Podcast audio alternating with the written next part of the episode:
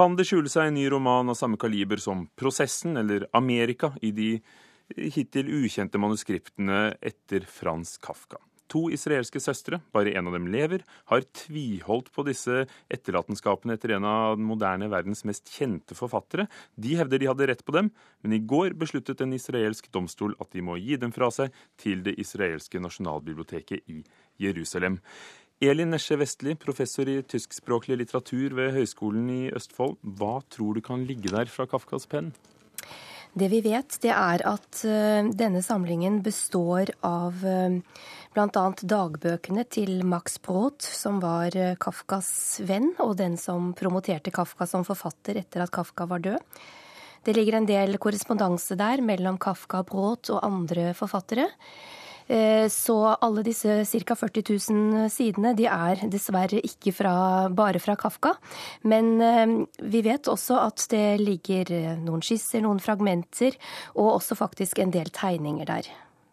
Du som har en interesse for tysk litteratur, hva, hva tenker du når noe sånt skjer? For det er jo en spesiell historie. Eh, Kafka døde 40 år gammel i 1924. Det var altså vennen hans, eh, Max Brod, som skulle brenne manuskriptene, men han begynte å gi dem ut i stedet. Og nå kommer det altså enda mer. Ja, det er en eh, thriller. Dette er nesten mer spennende enn en eh, krim. Denne historien om hvordan eh, disse etterlatte skriftene i over 40 år har vært gjenstand for en bitter strid mellom Kafka-kjennere, mellom Broad-kjennere, og også mellom de som hadde disse manuskriptene. For, for altså, bare for å skyte inn. Max Broad døde i Israel i 1980. 68. Han var også jødisk og flyktet til det som var Palestina under britisk eh, herredømme den gangen i 1939. Da han døde i 68, etterlot han seg alle sine arkiver til sin sekretær, og i testamentet skrev han at, han skulle, at hun skulle katalogisere det og gi det videre til Nasjonalbiblioteket i Israel eller Folkebiblioteket i Tel Aviv eller noen andre. Eh, og så har altså sekretærens døtre hevdet at det var deres, og at de skulle kunne selge det. Er det ikke slik? Jo, det er, det er slik. Ester Hoffe, som var eh, Bråds sekretær, hun døde i 2007, og det var da dette gikk over i døtrenes eh, eie. Eh, hittil så har mesteparten av disse papirene ligget i bankbokser i Tel Aviv og i Zürich. Og det verserer også rykter om at det har vært oppbevart en del i privat leilighet i, i Israel.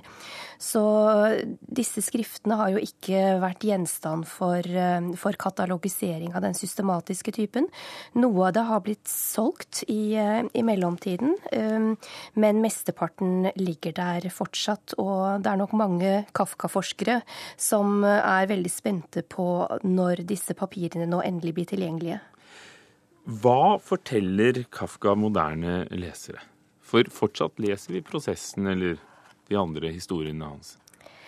Kafka forteller oss om en verden som er eh, uoversiktlig, hvor det enkelte mennesket er utlevert et, eh, ja, et, kanskje et byråkrati, kanskje en struktur, en orden som er større enn oss selv, og hvor vi strever med å finne veien fram. Så hele Kafkas eh, forfatterskap dreier seg på mange måter om eksistensiell menneskelig søken, så det er nok en av grunnene til at Kafka fortsatt er en av de forfatterne som vi mener sier noe helt grunnleggende om det å være menneske, og være et lite menneske i, i vår tid.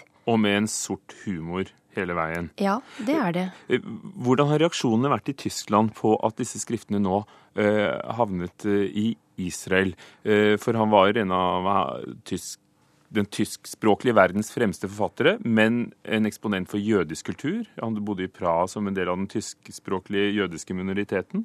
Eh, hva har reaksjonene vært?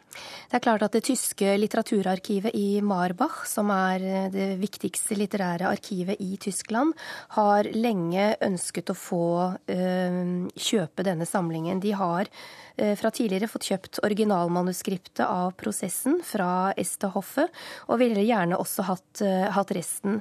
Så det er nok en viss skuffelse i Tyskland over at dette nå, i alle fall i første omgang, går til det israelske nasjonalbiblioteket i Jerusalem. Men direktøren for det tyske litteraturarkivet er veldig tydelig på at det viktigste er at dette nå blir oppbevart på en forsvarlig måte, og at det blir gjort tilgjengelig for forskere.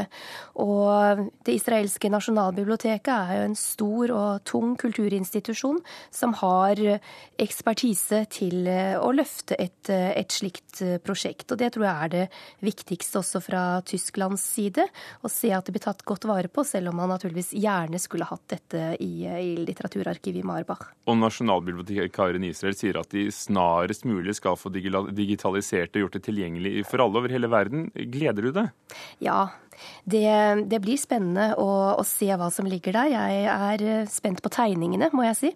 Men kanskje nesten mest av alt så ser jeg fram til å kunne lese Max Brauds dagbok fra den perioden hvor han og Kafka hadde tett kontakt. Det tror jeg kommer til å gi oss innsikt i en periode av Kafkas liv som vi fortsatt vet eh, for lite om. Men det må da være bitter for eh, Max Braud hadde han visst at vi bare er opptatt av Kafka når hans arkiv endelig blir fritt? Jeg tror nok at eh, det var en del av Max Brods intensjon. Han var jo også forfatter, men eh, skrev mye. Men vi husker ham jo som eh, ja, meseen som mentor, eh, ikke bare for Kafka, men også for andre forfattere, for, for komponister. Så Max Brod var i første rekke en, eh, en, stor og betydningsfull kulturpersonlighet, en formidler. Og jeg tror nok kanskje han hadde gledet seg over at han fortsatt ble husket i, i den rollen. Takk skal du ha, Elin Nesje Vestli, professor i tyskspråklig litteratur, Høgskolen i Østfold.